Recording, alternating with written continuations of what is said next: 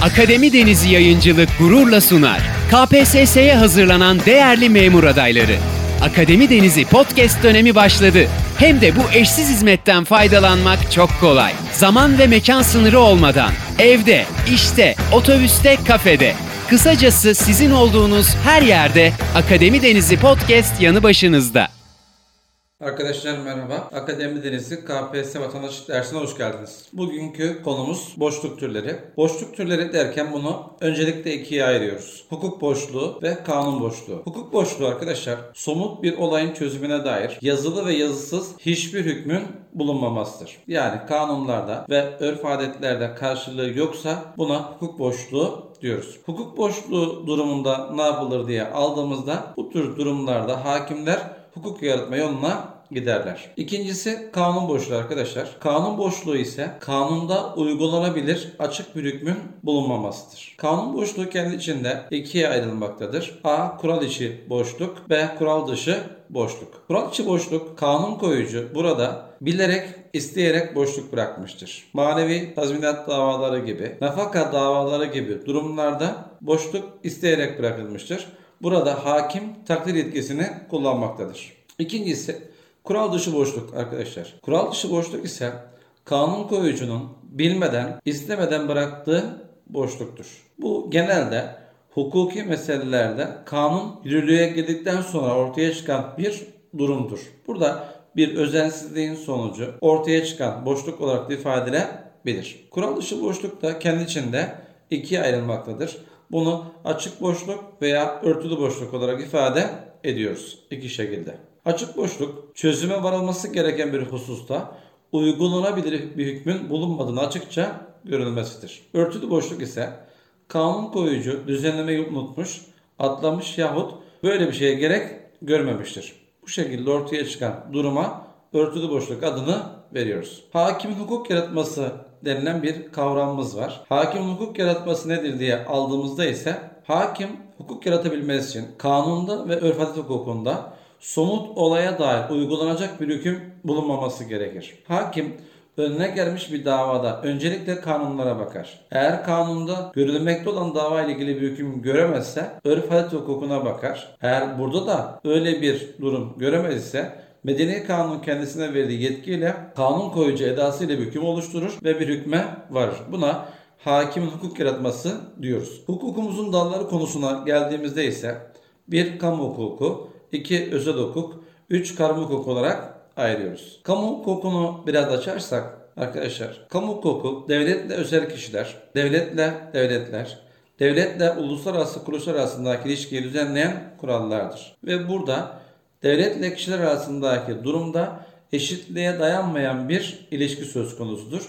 İdarenin üstünlüğü görülür. Kamu hukukunun dallarını aldığımızda ise yargılama hukuku, anayasa hukuku, vergi hukuku, ceza hukuku, idare hukuku, icra iflas hukuku ve devletler umumi hukukunu kapsamda sayabiliriz. Bunlardan anayasa hukuku devletin kuruluşunu, organlarını, bu organların görev etkilerini düzenler. İdare hukuk ise idari işlemlerin, idarenin yapısını, bunların işleyişini, kuruluşları, kuruluşlar vatandaşlar arasındaki ilişki düzenleyen hukuk kuralımızı ifade etmektedir. Yargılama hukuku ise mahkemelerde yapılacak olan yargılamanın usul ve yöntemlerine konu edinir. İcra iflas hukuku ise bir medeni yargılama hukukuyla ilgisi olan hukuk dalıdır ve özel hukuk alanındaki mahkeme kararlarının ve alacakların devlet eliyle yerine getirilmesini düzenleyen hukuk kuralını ifade eder.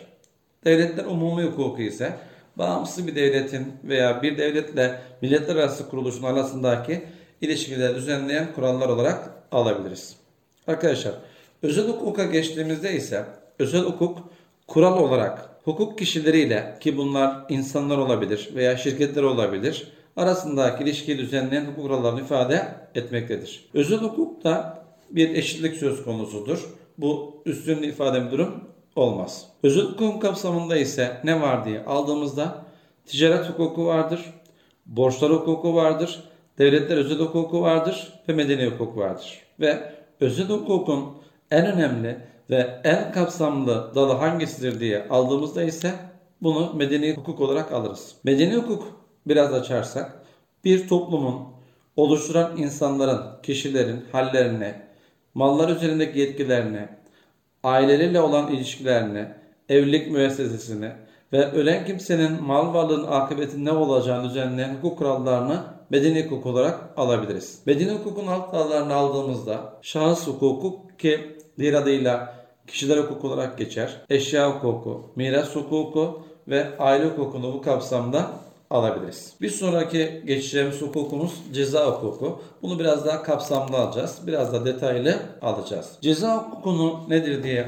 aldığımızda hangi eylemin ve davranışın suç oluşturacağını ve bunlara ne gibi cezalar verileceğini düzenleyen hukuk kurallarını ifade etmektedir. Ceza hukukuna hakim olan ilkeler konumuz var. Daha önceki dönemlerde bunlardan farklı şekilde sorular karşımıza gelmişti. Nedir bu ceza hukukuna hakim olan ilkeler diye aldığımızda Bunlardan kanunilik ilkesi var. Yani kanunsuz suç ve ceza olmaz. İkincisi aleyhte çıkan yasa geriye yürümez. Yani bunu açtığımızda işlendiği zaman suç kapsamında sayılmayan bir fiil daha sonra çıkarılan bir kanunla suç kapsamına alınırsa geriye dönük olarak o fiile ceza verilmez. Buna aleyhte çıkan kanunlar geriye yürümez kavramını kullanıyoruz hukuk olarak. Arkadaşlar bir diğeri idarenin düzenleyici işlemleriyle suç oluşturulamaz ve bundan dolayı ceza verilemez. Eğer bir fiil, bir eylem suç kapsamına alınacaksa ve buna ceza verilecekse bunun kanunla olması gerekir. İdarenin düzenleyici işlemler olarak gördüğümüz Cumhurbaşkanlığı kararnamesi, Cumhurbaşkanlığı olağanüstü kararnamesi, yönetmelik ya da genelgeyle bir eylem, bir fiil suç kapsamına alınamaz ve bundan dolayı kimseye ceza verilemez. Bir sonraki kanunların suç ve ceza içeren hükümler uygulamasında kıyas yapılamaz. Yine bir kişiye kanunda belirtilenden daha ceza verilemez. Yine kusursuz ceza olmaz. Bir kişi kendisini veya kanunda belirtilen yakınlarını suçlayıcı beyanda bulunmaya zorlanamaz. Ceza kanunlarını bilmemek mazeret sayılmaz. Buna kanunların bağlayıcılığı diyoruz arkadaşlar. Yani insanların kanunları bilmiyor olması mazeret olarak kabul edilmiyor. Kanunların bağlayıcılığı vardır. Bu ülkede yaşayan herkes bu kanunlara uymak zorundadır. Yine arkadaşlar uluslararası yükümlülükler dışında vatandaş suç nedeniyle yabancı bir ülkeye verilemez. Ancak uluslararası yükümlülükler varsa imzalamış olduğumuz anlaşmalar varsa veya taraf olduğumuz uluslararası kuruluşlar varsa bu kapsamda aranıyorsa bu durumda iade edebiliriz. Ama uluslararası hükümlülüklere tabi değilse vatandaş suç sebebiyle yabancı bir ülkeye verilemez. Yine arkadaşlar cezaların şahsiliği yani kişiselliği ilkesi vardır. Cezalar şahsidir. İkinci veya üçüncü kişiye ceza verilemez. Kanunlara aykırı elde edilmiş deliller kabul edilemez. Çünkü delilin elde edilme yöntemi bir defa suç teşkil ettiği için kanuna aykırı şekilde elde edilmiş bir belge varsa, delil varsa elde edilme yöntemi kanuna aykırı olduğu için bunlar delil olarak kabul edilemez. Cezalandırmada eşitlik ve adalet ilkesi alacağız. Hukukumuzda yargılarken herkes eşittir. Fakat karar verilirken adaletli şekilde karar verilir. Bunu da ayırt etmek gerekiyor. Eşitlik kavramının olduğu yerde her zaman adalet olmaz. Onun için yargılama aşamasında eşitlik esası vardır. Fakat hüküm verirken, karar verirken adalet ilkesine göre karar verilmektedir. Arkadaşlar birkaç tane kavramımız var. Onlar da ifade edelim. Bu kavramlardan bir tanesi kanuni hakim güvencesi. Bu kanuni hakim güvencesi ne anlama gelir diye aldığımızda hiç kimse kanunen tabi olduğu mahkemeden başka bir merci önüne çıkarılamaz. Kişinin hangi mahkemede tabi ise orada yargılanması gerekiyor. Onun dışında başka bir merci önüne çıkarılamamasına kanuni hakim güvencesi adını veriyoruz. İkincisi masumiyet karinesi ya da diğer adıyla suçsuzluk karinesi diyoruz. Arkadaşlar suçsuzluk karinesi ise bir suçtan dolayı kovuşturulan kişinin suçluluğu mahkeme kararıyla sabit olmadıkça suçlu sayılmamasını ifade eder. Yani daha anlaşılır cümleyle aldığımızda suçu sabit oluncaya kadar kimse suçlu sayılamaz. Buna masumiyet karinesi veya suçsuzluk karinesi adını veriyoruz. Üçüncüsü ise ümanizm ilkesi. Ümanizm ise kişinin cezalandırılmasının amacının yeniden topluma kazandırılması olarak ifade edilir. Yani kişi cezaevine gönderilir ki eskiden ıslah evi kavramı kullanılmış. Yeniden topluma kazandırılmasının amaçlanmasına ümanizm ilkesi kavramı kullanılmaktadır. Arkadaşlar suç ve suçun unsurları var. Onu aldığımızda ise bunu bir kanunilik olarak alıyoruz. İkincisi maddi unsur olarak alıyoruz. Üçüncüsü manevi unsur olarak alıyoruz. Kanunilik nedir diye aldığımızda diğer adıyla tipiklik olarak ifade edilir. Yani hangi eylem ve davranışın suç teşkil ettiğini ve bunlara ne gibi ceza verileceğini önceden kanunla belirtilmesine kanunilik adını veriyoruz. İkincisi ise maddi unsurdur. Ki maddi unsur kendi içinde ikiye ayrılır. Birisi icra, diğeri ihmaldir. İcra hareketi yapmak şeklinde gerçekleşmesidir. İhmal ise hareketin yapmamak şeklinde gerçekleşmesidir. Yani biraz açarsak yapmamanız gereken bir şeyi yapıyor ve insanlara zarar veriyorsak, ölümüne sebebiyet veriyorsak bunun adı icra. Yapmamız gereken bir şeyi yapmamak şeklinde ortaya çıkıyorsa ve bunun sonucunda insanlara zarar görüyorsa veya ölümüne sebebiyet veriyorsak buna da ihmal adı veriyoruz. Mesela bir hemzemin geçitte görevli olan kişinin tren için yolu kapatmaması sonucunda trenle bir araç çarpışıyorsa bu ihmali sonucunda ortaya çıkan bir durumdur. Üçüncüsü manevilik unsuru yani kusurluluk olarak ifade ediyoruz. Bu ise kendi içinde yine ikiye ayrılmaktadır.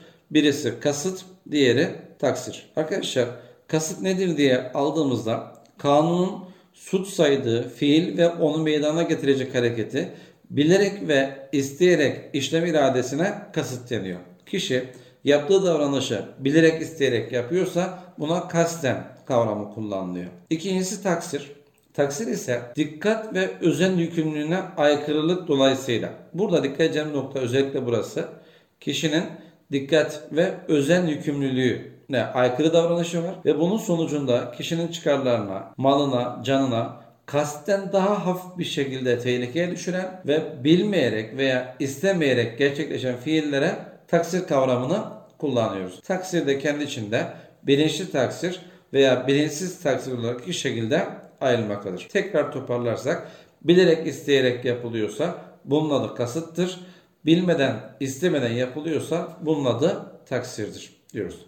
Arkadaşlar hukukumuzdaki ceza kısmına geldiğimizde ise ceza ehliyeti meselemiz var. Onu alırsak 0-12 yaş arasının ceza ehliyeti yoktur. 12-15 yaş arasının ceza indirimi uygulanır. 15-18 yaş arası için yine ceza indirimi uygulanır. 18 yaş üstüne ise tam ceza verilir. Burada iki tane soruyla karşı karşıya kalacağız. Birisi ceza yaşı kaçtır dendiğinde bunun cevabı 12'dir. İkincisi tam ceza yaşı kaçtır diye alındığında ise bunun cevabı 18'dir. Fakat şunu da ayrıca belirtmek gerekir ki sağır ve dilsizlerde ceza yaşı 15'tir, ergenlik yaşı 21'dir. Onlar 3 yıl geriden takip ederler. Yine almak gerekir ki akıl hastaların ceza ehliyeti yoktur. Akıl zayıflığında ise ceza indirimi uygulanmaktadır. Ceza sorumluluğunu azaltan veya ortadan kaldıran nedenler var. Onlar da şöyle bir sıralarsak sağır ve dilsizlik, akıl hastalığı, yaş küçüklüğü, korkutma ve tehdit, ilgilinin rızası, meşru müdafaa ve zaruret hali, davanın düşürülmesi, tahrik, alkol ve uyuşturucu madde etkisi durumlarında ya ceza sorumluluğu ortadan kalkar veya cezayı azaltıcı faktörler arasında yer alırlar. Yine arkadaşlar hukukumuzda ceza yaptırımları aldığımızda ise bir hapis cezası, iki adli para cezası olarak alabiliyoruz. Bu çerçevede hukukumuzdaki kavramlardan bir iki kavram da almak gerekirse bir soruşturma kavramımız var. İkincisi kovuşturma kavramımız var. Soruşturma nedir diye aldığımızda suç şüphesi oluşmasından ve bunun öğrenilmesinden itibaren iddianamenin kabulüne kadar ki süre ifade eden durumdur. Yani yargılama öncesi devam eden bilgi belge toplama sürecine soruşturma aşaması adını veriyoruz. Kovuşturma ise iddianamenin kabulüyle başlayıp hükmün kesinleşmesine kadar ki geçen sürenin adıdır. Yani soruşturma başlar. Bunun sonucunda bilgi belge toplanır ve soruşturma sonucunda iddianame hazırlanır mahkemeye sunulur. Mahkeme sunulmuş olan iddianameyi kabul eder ve yargılama aşamasına geçilirse artık kovuşturma süreci başlamıştır. Yargılama aşamasından başlayıp hükmün kesinleşmesine kadar geçen süreye ise kovuşturma kavramını kullanıyoruz. Arkadaşlar hukukumuzla alakalı yine bir kamu hukuku kavramı olan vergi hukukundan alakalı birkaç cümle söylemek gerekirse vergi hukukunda şu esaslar geçerlidir. Nelerdir o esaslar diye aldığımızda vergide genellik vardır, vergide adalet vardır, vergide kanunilik vardır, vergide açıklık vardır. Buradan da sorulara geldiğimizde genelde genellik, adalet, açıklık ve kanun kavramlarını kullanıyoruz. Vergi hukuk kapsamında yine alırsak kamu gelirlerimiz var. Kamu gelirlerimizde birkaç başlık altına almak gerekirse 1. Vergiler 2. Harçlar 3. Resimler 4. Şerefiyeler 5. Parafiskal gelirler olarak bunları ayırabiliriz. Kamunun yaptığı işlerin devamı için vergilerine ihtiyacı vardır. Vergi türünü ise kendi içinde yine 3'e ayırıyoruz. 1. Gelir üzerinden alınan vergiler. İkincisi servet üzerinden alınan vergiler. Üçüncüsü gider üzerinden alınan vergiler diye ifade edebiliriz. Bu şekilde kamunun da kendine ait gelirleri vardır. Arkadaşlar dersimiz burada sona erdi. Sonraki dersimizde görüşmek üzere. Hepinize kolaylıklar diliyorum. Bugün çıkmış olduğun memurluk sürecinde yeni şeyler öğrenerek hedefine biraz daha yaklaştın. Akademi Denizi Yayıncılık olarak her zaman yanındayız. Yeni bir derste görüşmek üzere.